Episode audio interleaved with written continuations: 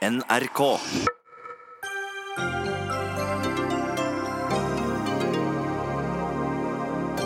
Ikke bare én, men to ganger fortalte han Frp-lederen om Ulf Leirsteins trekantsex.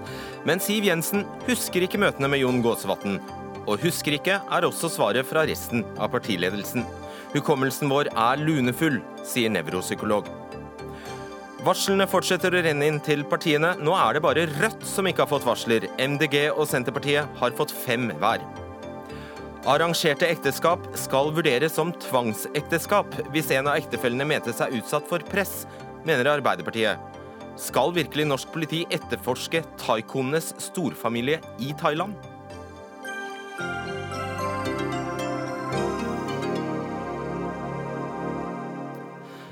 Vel møtt til Dagsnytt 18. Mitt navn er Fredrik Solvang. Én gang i 2012 og én gang i 2013 ble FrPs partileder Siv Jensen varslet om Ulf Leirsteins seksuelle atferd med partifeller. Den som informerte Jon eh, Siv Jensen, var daværende stortingsrepresentant Jon Gåsvatn, som på det tidspunktet lå i en intens nominasjonsstrid med nettopp Ulf Leirstein. Velkommen hit, Jon Gåsvatn. Takk for det. Hva var det som gjorde at du tok kontakt med Fremskrittspartiet sentralt for å informere om Ulf Leirsteins grenseoverskridende seksualaktivitet med partifeller. Jeg ble invitert ned til NRK Østfold eh, rundt den 20. november i 2012, eh, hvor de hadde laget en reportasje eh, hvor det da framsto en ung dame med sladdet ansikt og med fordreid stemme som fortalte om en kultur hvor man faktisk skulle ha mm, sex med Ulf Leirstein for å kunne gjøre en karriere i FPU eller Frp. Den reportasjen var underbygd med disse så nå omtalte SMS-ene. Jeg ble sjokkert eh, der og da og hadde ikke noen andre kommentarer å gi til NRK Østfold. Og På vei hjem fra studio så varslet jeg da partiets eh, nestleder og min fraksjonsleder. Og jeg ba da også senere om et møte med Siv Jensen et par dager etter, når jeg skulle til Oslo allikevel. Skjønner. Hvorfor fikk du denne informasjonen om Ulf Leirsteins atferd? Det var jo midt i nominasjonsstriden, og de, de ba meg komme til NRK Østfold for å kommentere eh, et innslag de hadde laget. Jeg ante ikke hva det var som, som var under oppseiling. Eh, men eh, når jeg fikk se det, så, så ble jeg rimelig sjokkert. Du sier du ba om et møte med Hvem ba, ba du om et møte? Jeg ba om et møte med Siv Jensen. Da skulle jeg til bedriftslegen. Jeg var sykmeldt på den tiden og skulle inn til Oslo likevel. Og da kontaktet jeg Siv Jensen for å høre om jeg kunne få et møte med henne i samme slengen. Og det åpnet hun opp for. Per Arne Olsen, da? Per Arne Olsen varslet deg på telefonen med en gang jeg dro fra, fra NRK-studioet i, i gamlebyen i Fredrikstad. Så ringte jeg han, for jeg sa nå sitter NRK på en bombe som vi kommer få, eh, partiet kommer til å få midt i fleisen. Og Hva var han på det tidspunktet? Han var min fraksjonsleder. Han var orga, organisatorisk nestleder i partiet, og han var også leder av organisasjonsutvalget i Frp. Når gikk du til dem? Jeg ringte han når jeg dro fra gamlebyen i Fredrikstad. Eh, rundt 20. til 22. november. Noe mer eksakt kan jeg ikke si det, men det vet de kanskje i NRK Østfold. Når, vet, eh, når foregikk møtet med Siv Jensen? Det var den 26. november eh, som jeg hadde møte med henne. Og da Eh, så fort ordet sex ble nevnt, så, så stoppet hun meg eh, og eh, sa hun ikke ville vite mer, ville ikke høre mer. Og, det forstår du, sa hun. Ta opp dette her med, med Finni, altså generalsekretæren. Så du hevder du rakk å si ordet sex? Ja, jeg, hvis ikke så hadde hun ikke stoppet meg. For altså, hun, vi fortsatte jo møtet og, og, og, hadde en mer eller mindre en medarbeidersamtale fordi jeg var syk. Uh, og, og, sånn at Så fort jeg da begynte å prate om denne historien, så stoppet hun meg på det. Hvordan reagerte du på det? Jeg, akkurat der og da så reagerte jeg ikke noe på annet enn at jeg tenkte at ok, da må vi ta det, vil man at dette skal tas administrativt. Eh, og det var greit, det, der og da. Siv Jensen hadde ikke anledning til å komme til Dagsnytt 18 i dag, men hun eh, skriver til oss sentralstyret er ankeinstans for eventuelle eksklusjoner som blir vedtatt i Nei, vet du hva, nå forskutterer jeg. Vi kommer til, vi skal høre hva Siv Jensen eh, sa i debatten på torsdag. Ja. I ditt parti snakker dere mye om dette organisasjonsutvalget. Var det derfor du sa at jo mindre du vet, jo bedre? Men jeg ser at NRK fremstiller saken sånn. Jeg husker jo ikke at jeg har hatt disse samtalene. Øh, og Det forstår for min regning. Men det er uansett mitt ansvar at øh, vi følger opp dette på en god måte. At vi har gode rutiner. Og jeg beklager eh, denne saken på vegne av Fremskrittspartiet. Det ser ikke bra ut i det hele tatt, og det erkjenner jeg. Det er sikkert litt rart for noen å, å, å, tenke at du ikke kan huske at det har vært snakk om trekantsex på SMS-er og sentraltillitsvalgt i Frp. Men det er noe greit nok, det sier du at du ikke husker. Men hvis du har sagt dette med 'jo mindre jeg vet, jo bedre', hvorfor har du eventuelt sagt det? Hva, hva ligger bak en sånn setning? Nei, Jeg kan ikke tro at jeg har sagt noe sånt. fordi For jeg da er sier de opptatt- som påstår at du sa det, da er det de som husker feil? da? Jeg har ikke tenkt å rette noen beskyldninger mot dem.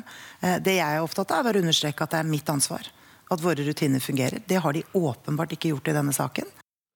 Hva sier du til dette?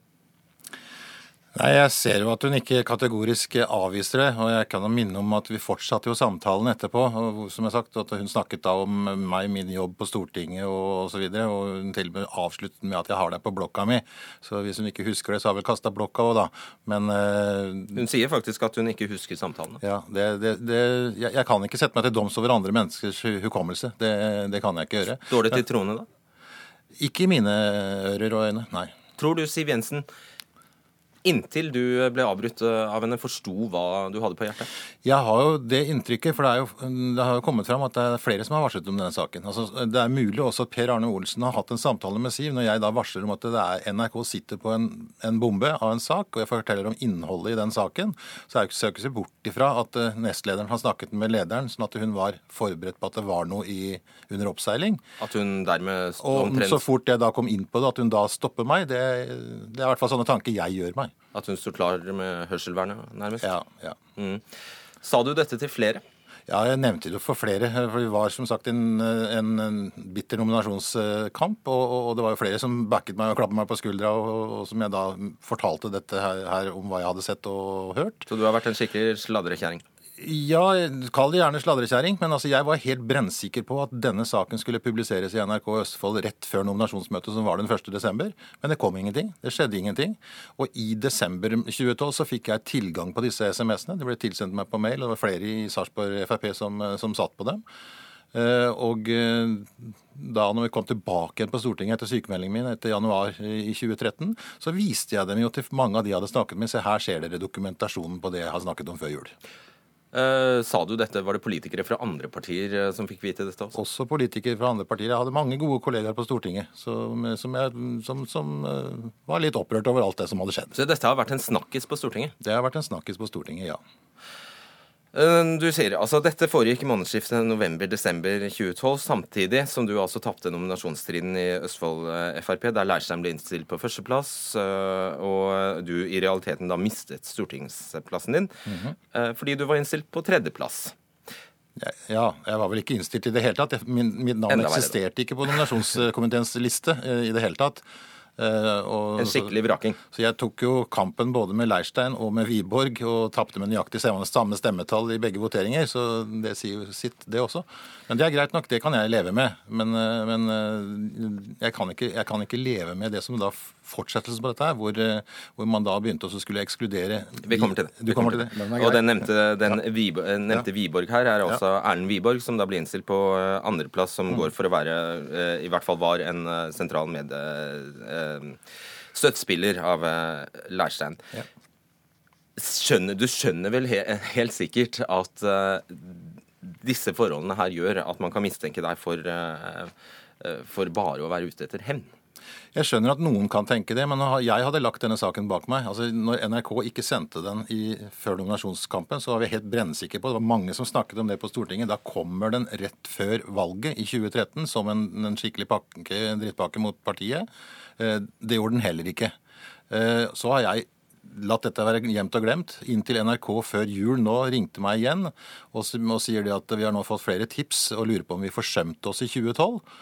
Eh, Og da sa jeg ja, det gjorde dere. Dere satt på dokumentasjon på at noen kan, hadde prøvd å få sex med en 15-åring, men det skjedde ingenting igjen. Nå er altså ikke redaktøren i NRK Nei, til stede her. Jeg skal bare smette Ja. inn det at uh, ifølge dem så ble ikke den saken i 2012 eller 2013 publisert pga. Uh, ofrenes uh, veldig unge alder den gang. Ja, Men jeg, det jeg sa til, jeg sa til vedkommende da, journalist, det var at uh, For han spurte meg om flere ting. og Jeg sa det eneste jeg kan gjøre, det er å stå fram og fortelle hva det var jeg gjorde i 2012 med de opplysningene jeg satt på. Og det, det står jeg for. At det, jeg gikk tjenestevei og gjorde det jeg mente var riktig. Ja. Men kan du, altså, kan du se at uh, med det bakteppet så uh, kunne Siv Jensen ha tenkt at OK, nå kommer det en kar her på, og banker på min dør som bare er ute etter å sverte Ulf Leirstein, hans argeste konkurrent, på verst mulig vis og spre sexrykter. Kan du skjønne at Siv Jensen kan ha tenkt sånn? Det er godt mulig at de tankene har fløyt gjennom hennes hode, men det må, det må hun svare for. Det kan ikke jeg svare for. Ja, Men at det gjør at hun ikke gidder å høre på deg, rett og slett? Det kan godt hende. At det var både beveggrunnen hennes og beveggrunnen til Finn Egil Holm eh, som heller ikke ville høre på det. Det, det kan godt hende. Og vi har vært i kontakt med vedkommende Holm, og han uh, sier faktisk at du ikke snakker sant. Ja, det, nå syns jeg at vi har dokumentert det på svart på hvitt med mailer. Jeg har hentet ut sykejournalen min fra Stortingets bedriftslege. Jeg har hentet ut uh, e-mailene mine og Outlook-kalenderen min fra Stortingets IT-avdeling. Jeg mener at vi har dokumentert nå en del av det som faktisk foregikk. så da må man gjerne si at man ikke snakker sant, men når du ser det svart på hvitt, så, og jeg vet jo at eh, man har fått verifisert uh, disse e-postene av Stortingets IT-avdeling okay, Og det gjelder Holm nå, bare for å avklare. Ja. Gjelder, har, har, du skriftlig dokumentasjon på at du eh, Holm snakket jeg med muntlig, muntlig. men jeg, når jeg blir bedt av, av, Siv Jensen om å ta kontakt med Finn Egil Holm, så gjør jeg det. Og, og at han da mener at det er en feil virkelighetsoppfatning, det får stå for hans regning. Altså, ja. Det er greit. Han er altså tidligere generalsekretær i Fremskrittspartiet. Eh, det går noen måneder, eh, og du tar opp saken med Siv Jensen på nytt. Eh, igjen skjer dette ifølge deg på hennes kontor, og nå er datoen 12 februar 2013. Hva skjedde i mellomtiden? Ja, du får ta med 18. januar. Altså, vi fikk jo tilgang på disse SMS-ene. Fikk de skriftlig, og de ble vist til flere. Så startet da eh, både FPU og Frp en eh, eksklusjonssak mot de ungdommene som ikke hadde støttet Leirstein og Wiborg i nominasjonsprosessen. Det var noen der som hadde vært ute med, med, med uttalelser om at man hadde følt seg truet av Leirstein og Wiborg. Eh, og det ble også trukket fram at en av medlemmene i nominasjonskomiteen var inhabil i prosessen fordi han hadde et intimt forhold med Ulf Leirstein. Dette er og dette ble da vedkommende avkrevd dokumentasjon for, og sendte inn dokumentasjon på det, hvor bl.a. SMS-ene var underlagsmateriale som gikk til FPU den 18. januar 2013. Og Jeg tok da et møte med for Så, så si, døde saken litt bort i FPU. Det ble, endte med bare en sånn pekefingervedtak. Eh, det ble ikke noen eksklusjon. Men Østfold Frp kjørte den saken videre, eh, hvor da styrt av Eh, Leif Eriksen og Erlend Wiborg og okay. de som satt der. Eh, og så, og så ble han avkrevd den samme dokumentasjonen der. Og jeg sier da til Siv Jensen nå må du stoppe disse her folka. Nå er de med ferd med også skal ekskludere eh, ungdommer som, som, ikke har vært lojale mot Leirstein, eh, og hvor denne her saken her også da var et del av underlagsmaterialet. Og Hva skjer da på fylkesstyremøtet 13.2, Dag, dagen etter? Dagen etter, når vi kom på fylkesstyremøtet, så sto denne eksklusjonssaken som en B-sak på sakskartet. og leder Leif Eriksen starter møtet med å si at de trekker den saken fra sakskartet for de har fått en henvendelse fra partiet sentralt. Og du da, tror det er hvem? Ja, Det er jo enten, altså det er jo på bakgrunn av den samtalen som jeg har hatt med Siv, om det er da en av rådgivere eller fra partikontoret som har ringt, så har de i hvert fall stoppet saken. Og Hva forteller det, da? Det forteller at de i hvert fall tok den advarselen på alvor. Og implisitt at hun må ha skjønt øh, og tatt inn over seg hele historien, eller? Jeg vil jo gå ut ifra at man har kjent bakgrunnen for et forslag til eksklusjonssaken, da, siden man stopper den. Mm. Eh, på dette tidspunktet har du bare et drøyt eh, halvår igjen på Stortinget for eh, Østfold Frp. Når vi vet hvor opprivende denne nominasjonskampen og for så vidt alle nominasjonskamper i politikken kan være, da er det nok en gang ikke utenkelig at du bare var ute i det ærend og ville sverte Leirstein. Nei, jeg hadde tapt øh, prosessen. og det er klart Man kan sikkert si at jeg da skulle, skulle hevne meg, men altså, da hadde man altså Beviset mitt mener jeg at det, det, ligger flere da som har fått tilgang på dette her materialet skriftlig. Okay. Så, så, så, så, De burde jo tatt saken på alvor. og det jeg ser Altså, Vi har jo hatt litt kontakt med, med denne 15-åringen i ettertid, og jeg syns han burde vært fulgt opp. Eh, og fått profesjonell hjelp. Det fikk han jo ikke. Hvis du syns det så veldig mye, hvorfor, eh, hvis du syns det, eh, hvis du virkelig syns det, hvorfor har ikke du foretatt deg noe fra 2013 og fram til i dag, da? Vi har vært i kontakt med gutten. Hva har du gjort? Min kone har bl.a. snakket med, med, med, han. Så vi har, vi har, prøvd å følge opp. Men altså noe utover det jeg, Ja, jeg følte jeg gjorde det jeg kunne gjøre okay. den gangen. Kan du dokumentere at du hadde disse møtene med Siv Jensen? Jeg, jeg, jeg, sendte en, en e-post tilbake igjen til Erik, Erik, Nilsen da etter at jeg hadde vært hos, på møte Siv, sier jeg, med Siv, og så sier jeg at nå har jeg snakket med Siv om eksklusjonssaken din. Hvem er Erik Nilsen? bare for å... Det er han nestformann i FPU som da var foreslått ekskludert, mm. og som hadde sendt inn disse SMS-ene til partiet. Og da sier jeg at jeg har informert nå Siv Jensen, og hun skulle ta tak i saken. Og, så det har jeg også dokumentasjon på. Det er 12. 12. februar i 2013. Disse partiene i Frp-systemet sier de ikke kan huske og har blitt varslet eller informert om Ulf Leirsteins oppførsel. Partileder Siv Jensen, tidligere generalsekretær i, FR, eh, i FPU og nåværende politiske rådgiver i Justis- og beredskapsdepartementet Espen Teigen Tidligere generalsekretær i Frp Finn Egil Holm, som altså avviser at han i det hele tatt har snakket med deg om dette. Tidligere leder av FrPs organisasjonsutvalg Per Arne Olsen. Tidligere assisterende generalsekretær Øystein Lid. Og tidligere leder av FPU Himanshu Gulati. Alle sammen kan ikke huske dette. Eh, da vært... kan det jo være din hukommelse det er noe feil med? Ja, men Jeg har ikke vært i kontakt med Gulati og, og, og, Espen Teigen. Det var Erik Nilsen som var det. Og han fikk god hjelp av Himanshu og eh, Espen i forhold til den saken som var reist mot eh, ham i Østfold FPU. Og den saken ble stoppet. Det var en eksklusjonssak som de skulle ha der, men den endte opp da bare med en pekefinger med at du må ikke si noe negativt om folk i FPU lenger. Okay. Hva er det verste med at partiet ikke tok tak? Jeg syns det verste er de ungdommene. for, det er jo, det er, Dette er bare noen få som man nå har fått navngitt, men det var flere flotte ungdommer som forsvant ut av politikken eh, etter den eh, striden. De ble avkrevd eh, en lojalitetserklæring, og, og, som, og, ble truet med at de som ikke var lojale mot Leirstein Wiborg, de hadde ingen framtid. Så det var flere som har forsvunnet ut etterpå, og noen har slitt virkelig i ettertid. Lyver Siv Jensen? Jeg vil ikke si at folk lyver, jeg syns det er veldig sterkt å si det. Men jeg registrerer at hun sier at hun ikke husker, og det syns jeg er litt rart. Har du tillit til henne? Nei, denne saken gjorde at jeg avsluttet, uh, sluttet å betale kontingent til Fremskrittspartiet. Etter 30 års medlemskap så syns jeg at jeg har vært med på mye rart, men dette her syns jeg tok kaka. Vi har tilbudt Ulf Leirstein å komme med sin versjon av det som har skjedd, men han har ikke besvart våre henvendelser i dag. Heller ikke partikontoret har takket ja til å være med i kveldens sending. Og daværende generalsekretær i FPU, Espen Teigen, ønsker heller ikke å delta i Dagsnytt 18 i kveld. Takk skal du ha, Jon Gåsvold. Takk.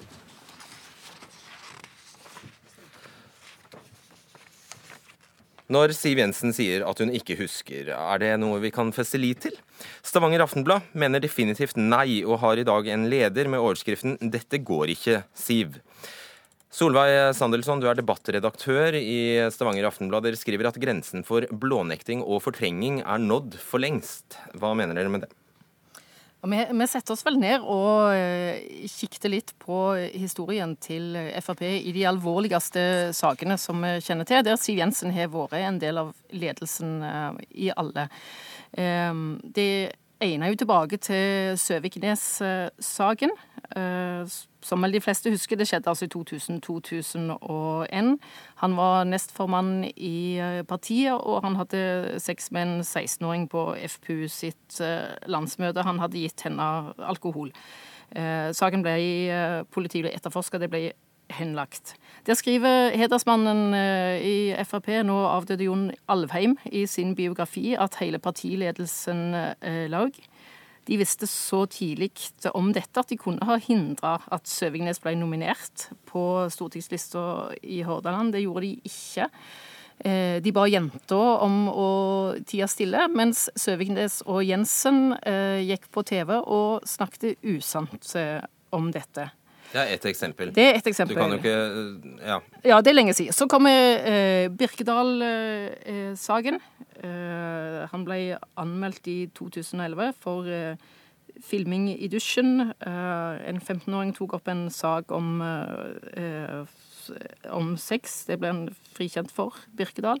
Eh, der kritiserer Frp sitt eget utvalg etter saken, Siv Jensen, for å ha sagt i et TV-intervju at du ikke hadde hørt eller kjente til andre anklager mot Birkedal. Og det måtte hun seinere gå tilbake på. Så hva mener du er mønsteret i det Siv Jensen gjør? Det, de virker jo som i, de, i disse sakene da, som jeg har sett på, og der det er Frp-ere sjøl som går ut og kritiserer eh, partiledelsen og Siv Jensen. Så sitter en først eh, så stille i båten som eh, det er mulig. En gjør minst mulig. En holder ikke noe tilbake eller venter med å nominere eller venter med å gi folk posisjoner. Og når det da smeller i de to første sakene, så, så velger en da bevisst å snakke usant offentlig så lenge en kan. Skal vi tro Jon Alvheim og FrPs eget utvalg. Så kan vi gjøre denne saken her, da, der, eh, der det må være sånn at eh, enten så eh, så lyver en om at, at en ikke husker, eller så husker en faktisk ikke. Og i de siste dagene så er det jo vært sånn at eh, ja, Du altså, kan jo ikke gå inn i hodet hennes og avgjøre hva hun husker eller ikke. Nei, og takk og lov for det. Eh, men eh, Du antyder vel nå at det er et mønster eh, i å ikke fortelle sannheten? Ja, eh, og i de to andre sakene så har det vært det. Så vår erfaring kunne tilsi at vi kunne finne på å begynne å gjette det om uh, Siv Jensen. At, Men ja, vil du bli dømt på to enkelttilfeller med så mange år mellom hver? Dette er jo veldig alvorlige saker. der Alle disse tre sakene kan være saker som, blir, som feller inn under norsk lov eller under, under straffeloven. Det er ikke, det er ikke eh, hva som helst. Eh, jeg, jeg, vet ikke om Siv Jensen eh, lyver nå, eller om de Og jeg vet heller ikke det, det, kan godt være at hun ikke husker. Men jeg vil jo si at hvis du, eh, hvis du er blant de vanlige unge folk i en organisasjon eh, og melde fra videre og oppover eh, om mulige overgrep eller trakassering, eh, og da får vite at lederen din eh, enten velger å ikke gjøre noe særlig eh, før hun må, kanskje snakke usant, som du får vite må ha vært bevisst, eller at sånne saker gjør så lite inntrykk at det faktisk ikke engang fester seg hos lederen i en stor organisasjon med unge, vanlige folk, og i partiet for folk flest, så syns jeg kanskje ikke at jeg, jeg hadde hatt veldig stor tillit, som en av de yngre vanlige. Ylva Østby, du er nevropsykolog, forfatter av boka 'Å dykke etter sjøhester'. Siv Jensen uh, sier også at hun husker ikke og har blitt varslet om uh, Ulf Leirsteins eskapader. Hva gjør at man glemmer? Ja, uh, hukommelsens veier er ganske uransakelige, da. Så man kan jo ikke spore tilbake og se hva som faktisk har blitt husket og ikke. Um, um, og det er jo det er ikke noen, måte, noen, lovmessigheter man kan feste seg til for å forklare hva som glemmes og ikke. Um, mange kan jo bli veldig overrasket over uh, hvor banale ting man faktisk husker, mens andre viktige ting blir borte. Men det er jo noen prinsipper som man kan støtte seg til. Og det ene er jo at ting som er veldig emosjonelle, huskes som regel godt. Eh, ting som eh, skiller seg ut, og som er annerledes og oppsiktsvekkende, eh, blir ofte husket. ting som går rett inn i det som betyr noe for deg selv, da. Nettopp. Um, hvor stor, I hvilken grad kan vi stole på hukommelsen vår, da? Det er jo en annen sak, da. For det første, vi glemmer jo veldig veldig mye.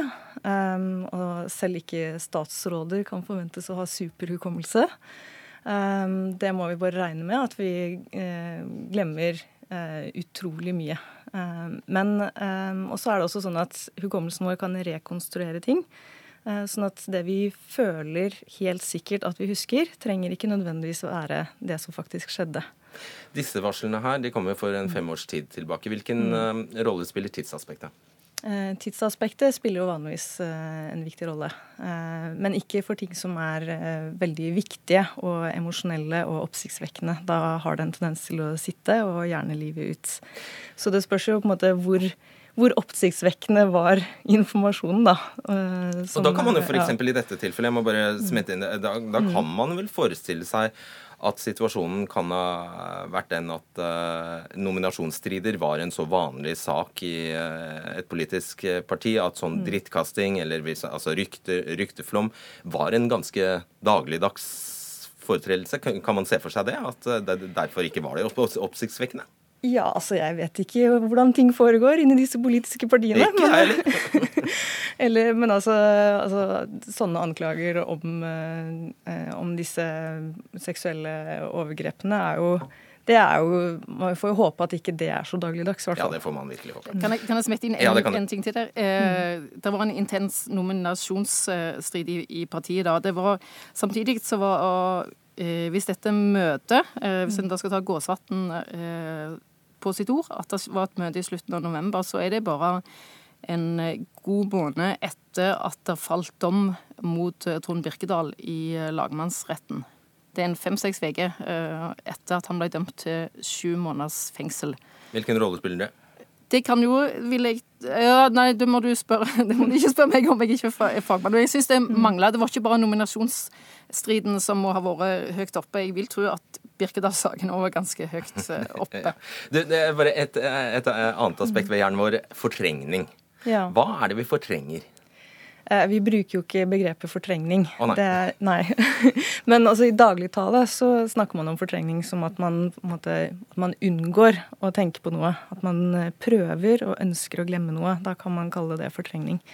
Men, eh, eh, og det kan jo føles som at man glemmer noe, da. Eller at man eh, Og hvis det er eh, veldig mange som er interessert i å glemme noe alle sammen, så kan man jo på en måte handle som om man har fortrengt sammen. Men det går egentlig ikke å fortrenge? Ehm, ikke på denne måten her. Eh, og det er ikke en naturlig forklaring. Men til forsvar for de som da angivelig har glemt her, så kan det jo kanskje anføres at hvis man har veldig veldig mange andre presserende saker av stor internasjonal og nasjonal verdi som eh, trenger seg på hele tiden, så kan det jo være at, eh, at det kan forklare at man ikke har husket så godt, da. At litt trekantsekt ble peanuts? Eh, det skal jeg ikke si, men, men eh, Ok. ja. Du, eh, aller siste spørsmål til deg, og hvis du kan svare litt raskt på det, Sandelsson. Eh, Det er vel en kjent sak at de alle politikere på et eller annet tidspunkt for å overleve i politikken snakker litt usant, dreier på virkeligheten. Siv Jensen, hvorfor skulle hun være så annerledes enn Erna, Jonas? Jeg, nå skal ikke jeg ha sagt at eh, Erna og, og Jonas eh, er like. Eh, Siv Jensen er til liks med deg da, leder i et veldig stort parti. Der sitter det vanlige unge folk som må vite at de har et likeverd i denne organisasjonen. Og da må Siv Jensen vise de. Ok, Jeg påstår ikke nå bare for ordens skyld at eh, noen av dem lyver eller er notoriske løgner. Jeg vil ikke ha det på meg. Men tusen takk skal dere ha. Solveig Sandelsson og Ylva Østby. Dagsnytt 18 alle hverdager klokka 18.00 på NRK P2 og NRK2. Jeg har brukt eh, deler av dagen på å lage en oversikt over eh, hvor mange varsler som har kommet inn til de politiske partiene etter at metoo for alvor eh, rammet politikken i begynnelsen av desember. Og uten varslene i Arbeiderpartiet har det nå kommet inn 42 varsler til partiene.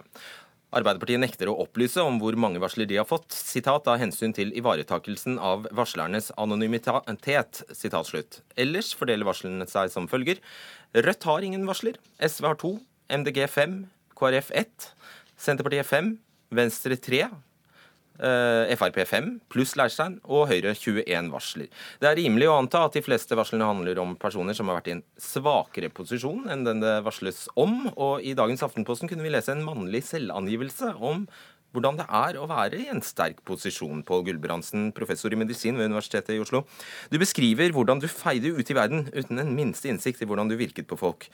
Og du hadde ikke drag på damene. nei, det er riktig det. I hvert fall så trodde jeg ikke det.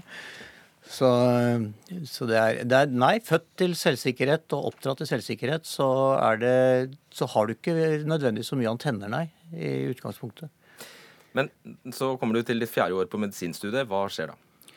Nei, det som skjer er jo at jeg plutselig blir populær. Eh, og jeg opplevde det som eh, overrumplende, overveldende og kjempefint. Og, og hadde stor glede av det.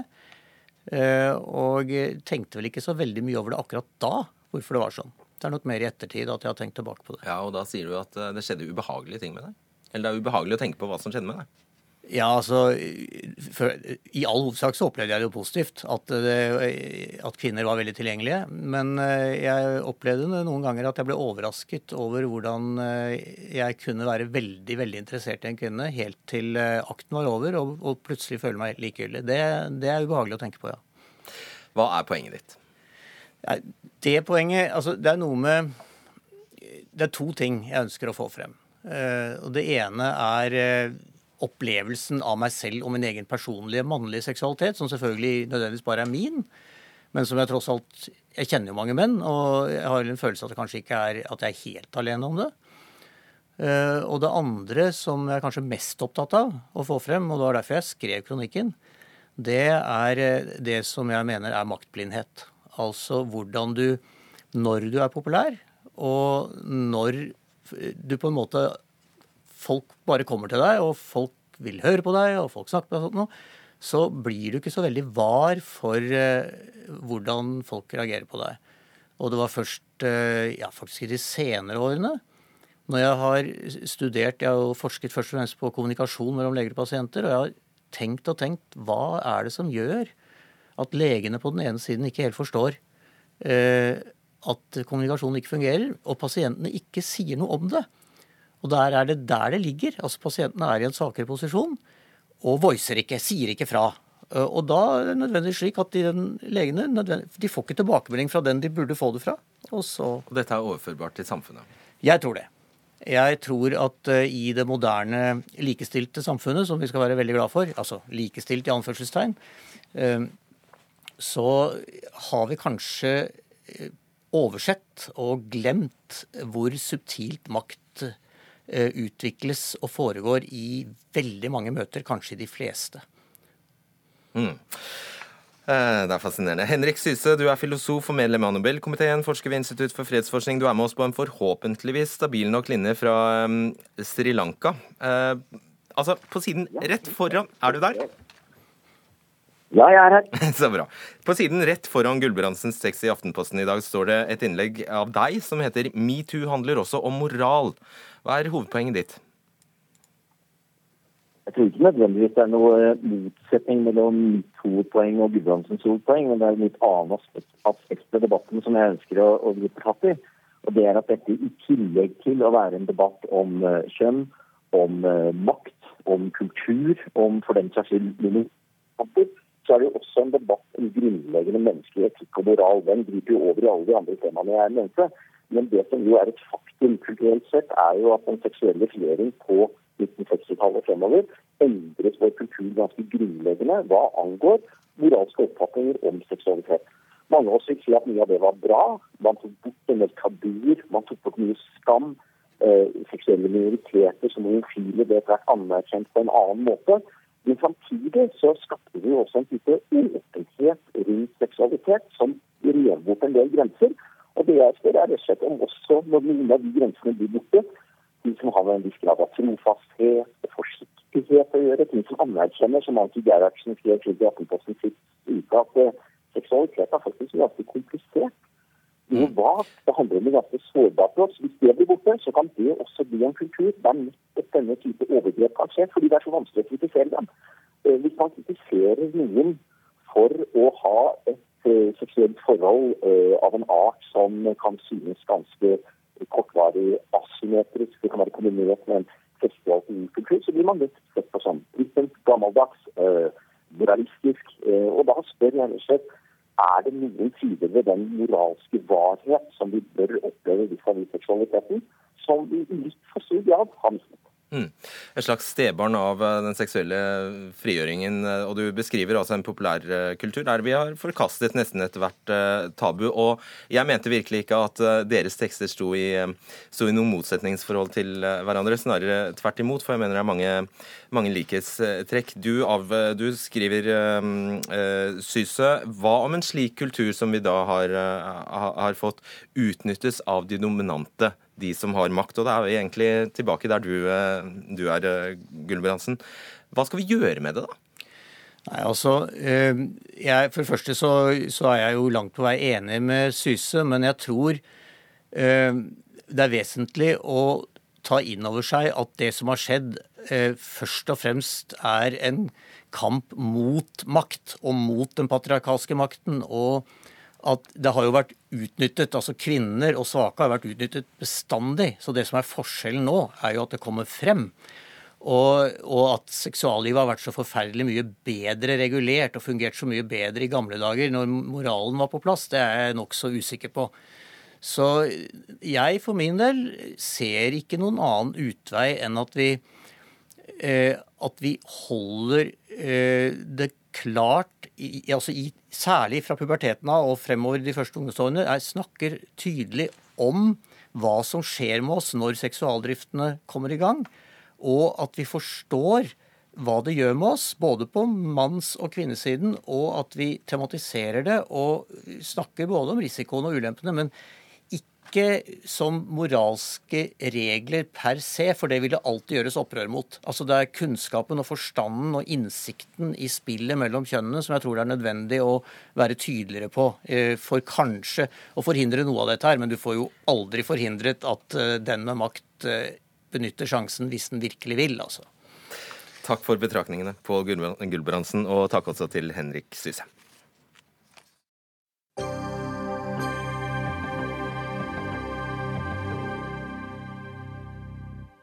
Arbeiderpartiet vil stramme inn loven mot tvangsekteskap, slik at også arrangerte ekteskap med psykisk press rammes av et forbud. Loven fungerer ikke i dag, sa Jonas Gahr Støre på Dagsrevyen i går.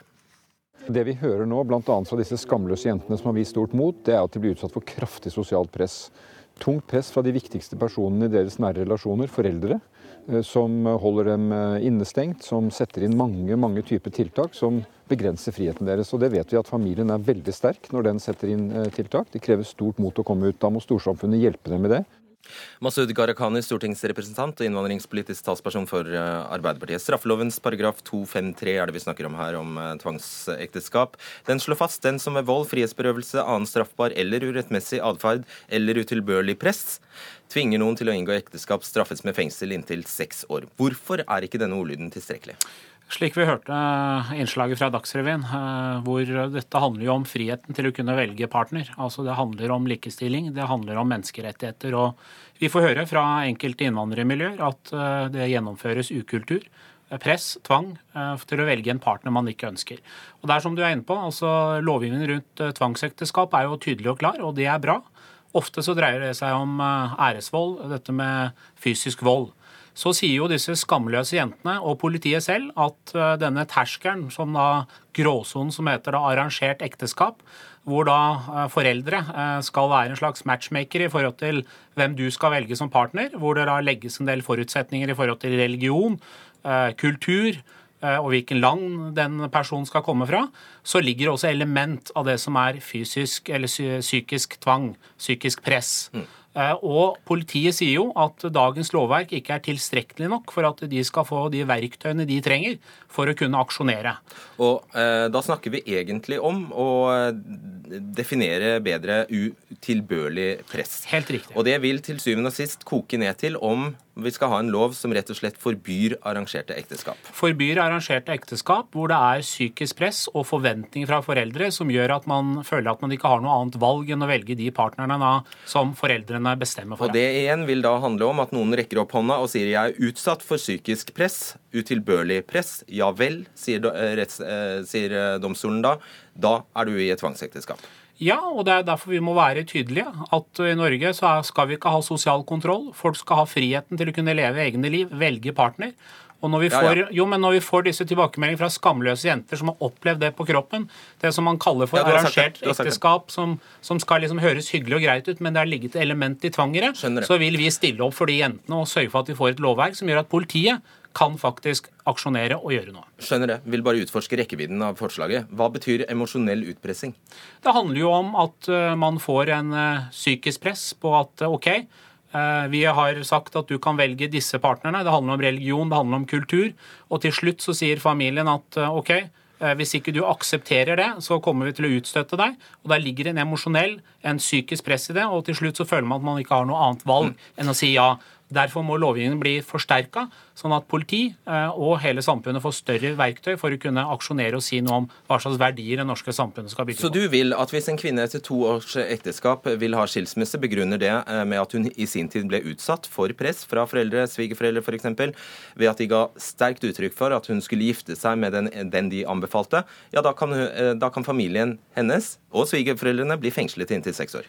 Poenget her er at vi må være det. Nei, poenget her er at vi må være tydelige på at du skal ha friheten til å kunne velge egen partner. Det er en floskel. Svar på spørsmålet nei, mitt. fordi når du har svar en på spørsmålet mitt. Innebærer det at.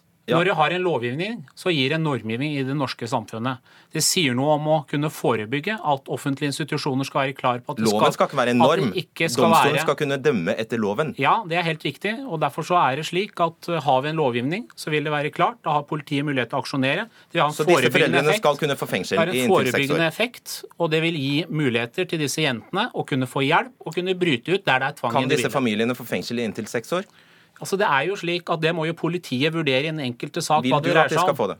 Det må politiet vurdere i den enkelte sak. Jeg Vil du lage en lov som tillater det? Jeg vil lage en lov som gir beskyttelse, rettssikkerhet til disse kvinnene, og skal muligheten kunne bryte ut og vite at i det norske samfunnet så har du rett og frihet til å kunne velge den partner du skal leve med. Ok. Torgeir Kolshus, førsteamanuensis i flerkulturelle studier ved OsloMet i ett ord med stor M, eh, tanke eller bindestrek, Storbyuniversitetet med liten S. Det var, eh, ja. Eh, det var ingen som ble dømt for tvangsekteskap i 2016 eller 2017, har vi fått opplyst fra Domstoladministrasjonen. Det kan vel tyde på, som Gharahkhani innebærer, at loven er for slapp? Eller det kan tyde på at det ikke eksisterer. Det er, det, det er halvfullt glassversjonen. Eh, men jeg tror nok allikevel at eh, hvis man skulle stramme til skruen såpass dette er, snakk, det er vanskelig å ikke være enig i det Karakani sier. Samtidig så er det viktig å tenke på at arrangert ekteskap det er, en, det er noe annet enn tvangsekteskap. Og det, her er det, det er ikke én ting, det er et veldig bredt spekter. Det er vel ikke alltid noe annet? Nei, ikke alltid noe annet, men det er, det er noe annet nok i tilstrekkelig mange tilfeller. Altså Min påstand er bl.a. at det er veldig få ekteskap som inngås blant etnisk norske par. Eh, Som inngås på tvers av foreldrenes vilje. Og I tillegg så har vi, selv om vi ikke liker å tenke på oss selv som et klassesamfunn, så har vi en ekstrem grad av det som kalles endogami, altså inngifte i sosiale grupper. eh, slik at de Like barn barn leker leker best. best. Like barn leker best. Og det er en sterk forventning som gjør at vi foreldre da vet at vi har virkemidler som gjør at vi kan jekke, kanskje påvirke akkurat tilstrekkelig. Du får kanskje ikke trusler om utfrysing Nei, og sånn? og det er en vesensforskjell. Men jeg lurer igjen på hvordan disse truslene skal kunne konkretiseres på en måte som faktisk gjør det strafferettslig eh, anvendbart. Og der er det lille spørsmålet jeg stiller. Det stiller jeg også, for jeg lurer på hvordan skal norsk politi finne ut om f.eks. en eh, thailandsk eh, ja, en thailandsk ek- ektefelle av en eh, nordmann som plutselig finner ut etter noen års eh, ekteskap at nei, dette var faktisk et tvangsekteskap. Jeg ble utsatt for utilbørlig press fra min thailandske storfamilie for å gå inn i dette ekteskapet, bl.a. fordi jeg var fattig, han var rik. Skal norsk politi ned til Thailand og etterforske hvilket press storfamilien har utsatt henne for? Altså Norsk lov skal jo gjelde for alle. Mm. Og så er det slik at hvis du gifter deg med noen som bor i utlandet, så må du gjennom en UDI-prosess. Hvor da gjennom intervjurundene så blir du stilt spørsmålet rundt dette med tvangsekteskap er inne i bildet eller ikke. Ja, men hun innså det, ikke det da. Ja, men Det skal gjøres grundige undersøkelser. Det gjelder også når vi får en ny lovgivning rundt dette med arrangert ekteskap, hvor det er psykisk tvang inn i bildet, psykisk press inn i bildet. Og Da får vi en lovgivning som er klar og tydelig eh, på at du har den muligheten til å bryte ut hvis det har vært tvang. Skal norsk politi ned til Thailand og etterforske thailandske storfamilier? Altså Jeg innrømmer ærlig at det er mange problemstillinger vi kan diskutere rundt det. Men poenget er at vi kan gjøre to ting. Det er å sitte rolig og si vet du hva, det er så mange problemstillinger at vi ikke vil gjøre noe. Det vil ikke jeg være med på. Jeg vil ikke at det skal gå så langt som det gjorde i 2002. Fadime-drapet det var det som førte til at vi fikk vedtaket rundt tvangsekteskap. Når vi får tilbakemeldinger om at lovverket ikke er godt nok i dag, vel, da må vi lytte til de jentene. Og da får vi en bred prosess hvor politiet spiller inn hvordan denne formuleringen skal være. Disse skamløsene og andre fagfolk som vi sørger for at vi får verktøy på plass til å være tydelige på er- hva slags greit, normer det skal gjelde i norske Eh, samfunn. Kolshus sitt eh, poeng er jo faktisk at en slik lov vil kunne ramme helt vanlige ekteskap. Er det ikke det? Jo, rett og slett. Og I tillegg så vil det gi et ganske spesielt signal til en gruppe som allerede befinner seg i randsona av integrering. Og kanskje den brodden vi leser litt mellom linjene, og i, i grunnlagsmaterialet også er ganske, ganske eksplisitt, så retter den seg mot nettopp den gruppen vi ønsker å inkludere. Og jeg vet ikke hvorvidt det er spesielt tjenlig når du tenker på det store bildet. Altså Her er lett at det, at det beste blir det godes fiende. Det er min, min lille bekymring. Et godt stykke fra, fra at det blir lov. Får jobbe litt mer, mer, med det, kanskje. Takk skal dere ha. Masud Gharahkhani Mani og Torgeir Kolshus.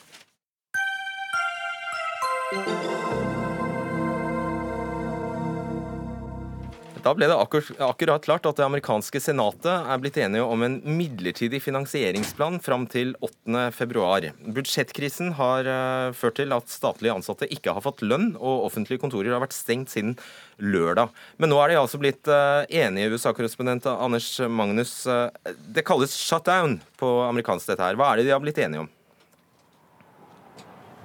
Nei, Nå har de blitt enige om å forlenge eh, den, eh, det budsjettet man hadde før, fram til 8.2. De kaller det en 'continuing resolution'. Det betyr at det er de gamle budsjettet som fortsetter videre. Og det er nok ikke så mange som ikke har fått lønn, fordi det har jo bare gått en helg. Så de store skadevirkningene av eh, at staten nå har pakket sammen litt, den, den har nok ikke blitt så stor. Og de fleste skulle ikke ha lønn før 1.2. Så Det er ikke det store problemet. Det som er eh, diskusjonen nå, er jo om eh, demokratene, som nå på en måte har gitt seg i 16 eh, dager til, om de nå har om de har fått gode nok garantier for det de ønsker å oppnå, nemlig en avtale om de ulovlige immigrantene som kom hit som barn. Ja, for det er det som er uh, sakens kjerne. Demokratene ønsker altså en uh, sikkerhet for at barna gjerne av ulovlige immigranter får bli i, i, USA. Og så har president Trump kastet inn penger til denne muren sin. Ja da, men nå har jo også demokratene sagt at han kan få penger til muren. Hvor mye er man ikke enige om. Eh, det som har vært det spesielle her, er jo at istedenfor å vedta et budsjett, sånn som man gjør i Norge og de fleste andre land, så har altså demokratene knyttet opp eh, tidligere da, eh, en, en betingelse om at man også skulle ha en lov om disse såkalte dreamers, altså disse barna av ulovlige immigranter. Det har de nå gitt seg på. Nå, de, nå, mener de at de kan stole på republikanerne i Kongressen og Senatet om at de skal få en avstemning om en slik eh, lov for immigrantene i, i, innen 8.2. Eh, Men det er klart at det å knytte eh, en slik betingelse opp mot budsjett, en budsjettlovgivning har sjelden lykkes. Det lyktes ikke i 2013, da det var republikanerne som prøvde å avvikle Obamacare ved å knytte det opp mot budsjettet, og det har altså ikke lykkes nå heller. Det er nok for stor sjanse for at de som forårsaker at eh, staten eh, delvis legges ned, de får, får svi for dette hos befolkningen. Og det var allerede noen meningsmåling som tydet på det. Nettopp. Vi må lære dette systemet litt bedre å kjenne sjeføkonom i DNB Markets. Kjersti Haugland, i Norge vil det være ganske utenkelig at alle offentlige kontorer ble stengt ned fordi man ikke ble enig på Stortinget om en budsjettavtale. Hva er det som skjer i USA?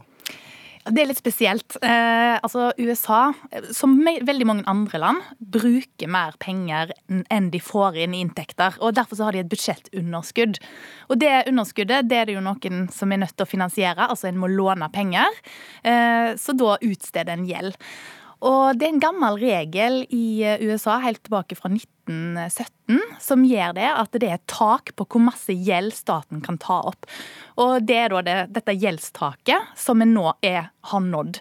Og i andre land med et budsjettunderskudd, nå er ikke Norge i den situasjonen, i alle fall ikke foreløpig, men i andre land med budsjettunderskudd så er det jo sånn at hvis en bestemmer seg for å bruke mer penger, en vedtar et budsjett der utgiftene øker, ja, så har en òg vedtatt eh, å øke opplåninga.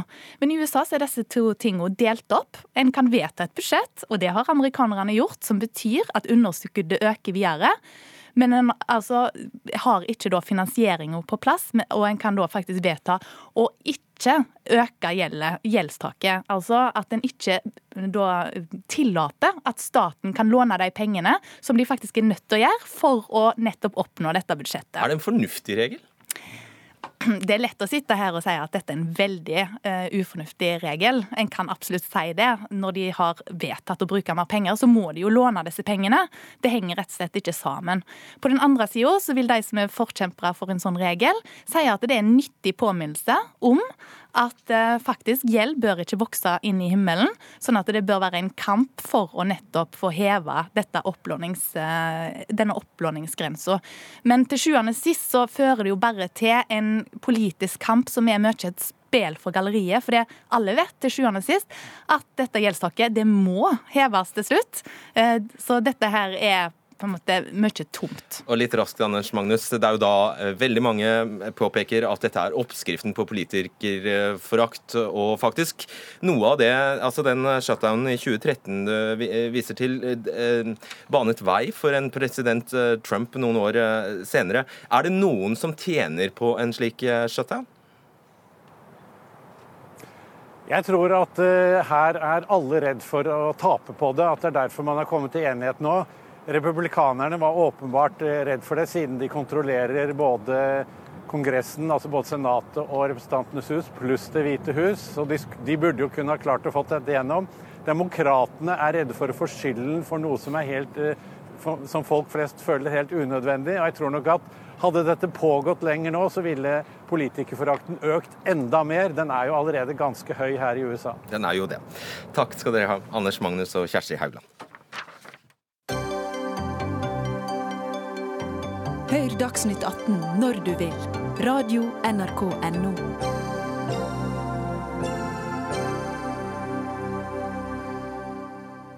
I 1987 arvet søsknene Solvår og Ole Einar på fire og sju år familiegården i Hjartdal kommune i Telemark. Foreldrene reiste opp i et småfly over Melefjell for å lete etter sau, og kom aldri tilbake.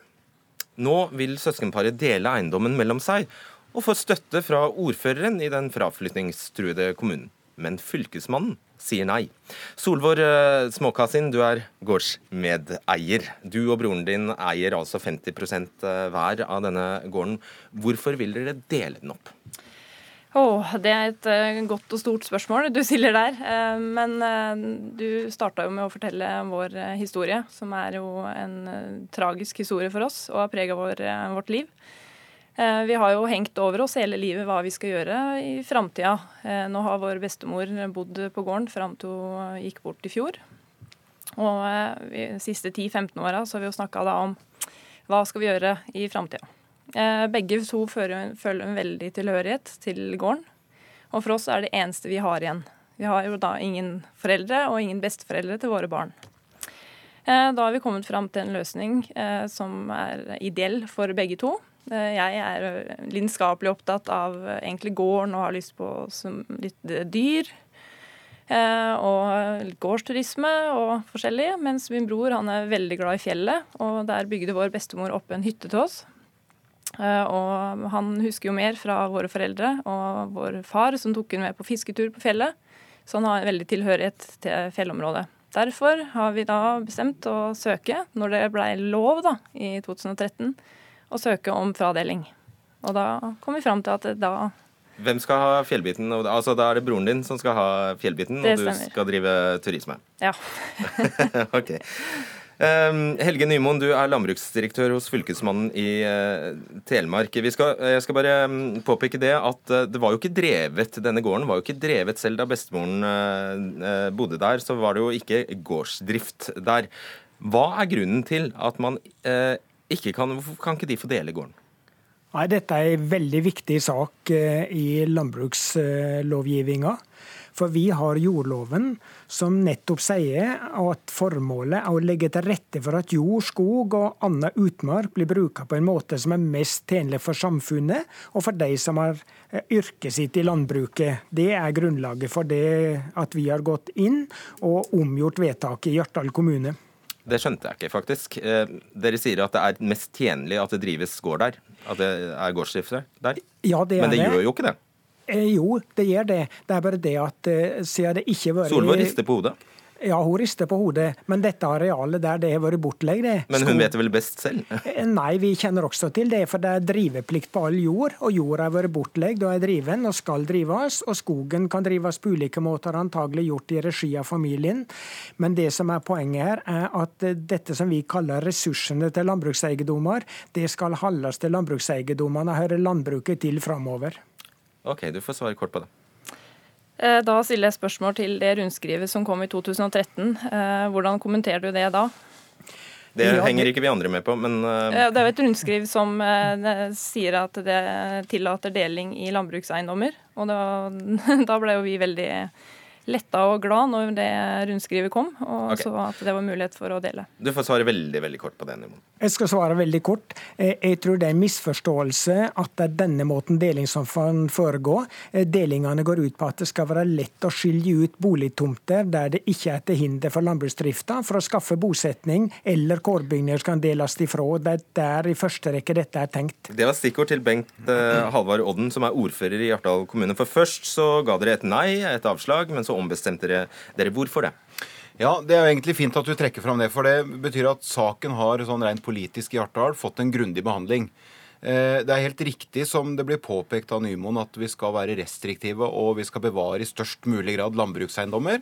Eh, så kom det, som helt riktig Solvår påpeker, en endring i jordlova i 2013 som åpner for at eh, bosetting skal kunne være en av vilkåra for å eh, se litt mer nyansert på en sånn delingssak.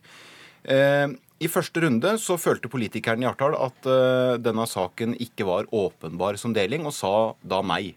Følgelig kom det en klage fra Solvår og hennes bror Ole Einar som ga en betydelig bredere forståelse for saken. Og når den kom opp til behandling igjen, så mente politikerne at her var det grunnlag nettopp for å kunne bruke jordlovas paragraf 12 og spesielt dette befolkningsperspektivet. Det er sånn dere får dem hjem til bygda? Det er helt riktig. Ja. Det blir faktisk peka på at uh, kvinner i den alderen som Solvår er, det er noe av det beste og viktigste tiltaket uh, små bygdekommuner i distriktene kan uh, få tilbake for å nettopp kunne skape økt befolkning. La oss ta dette med driften. Altså, stemmer, nå, nå hevder jo Nymoen at jo da, det, er, det er, har vært drift der. Ja, eh, vi har da, skal vi se, nå må jeg se på Vi har 43 eh, mål fulldyrka jord. 27 eh, dekar innmarksbeite. Det er i realiteten mindre, for det er bare tatt et flyfoto som det går ut fra. Vi leier ut den jorda, og det har vi gjort i ganske mange år nå. Men det som jeg stiller spørsmål tilbake igjen til Nymoen da, er om det er nok til å leve av. Ja, for det må jo være et premiss, Nymoen. Man må jo kunne leve av det? Ja, en må kunne leve av det, men det er nå slik her i landet at de fleste eiendommer har behov for annet arbeid attåt landbrukssida. Det er kombinasjonsbruk vi snakker om. Og dette er en eiendom som i telemarksmålestokk er betydelig. Han er på over rundt 4000 dekar. 2000 eh, dekar med produktiv skog, 60-70 dekar jordbruksareal. Så det er en bra eiendom. Men bare en liten del har vært i drift, sier Solvår. Ja, det Det vi påpeker her da, er at eh, den, eh, en del av det du påpeker her på arealet, er da 1590 dekar, som er da fjelleiendommen. Og her er det ingenting driveverdig. Der går det ikke an å dyrke noe? Nei. Det er 2000 mål ca. mål skog, og det driver vi godt. Og det har vi tenkt å fortsette å drive. Og det arealet som er på fjellet, har ingen betydning for det vi skal drive med på gården. Odden, eh, jeg ser, jeg ser eh, av pinnen din at du representerer Arbeiderpartiet. Skal bare eh, legge til det. Ja. Ja, jeg er opptatt av, drifta på gården.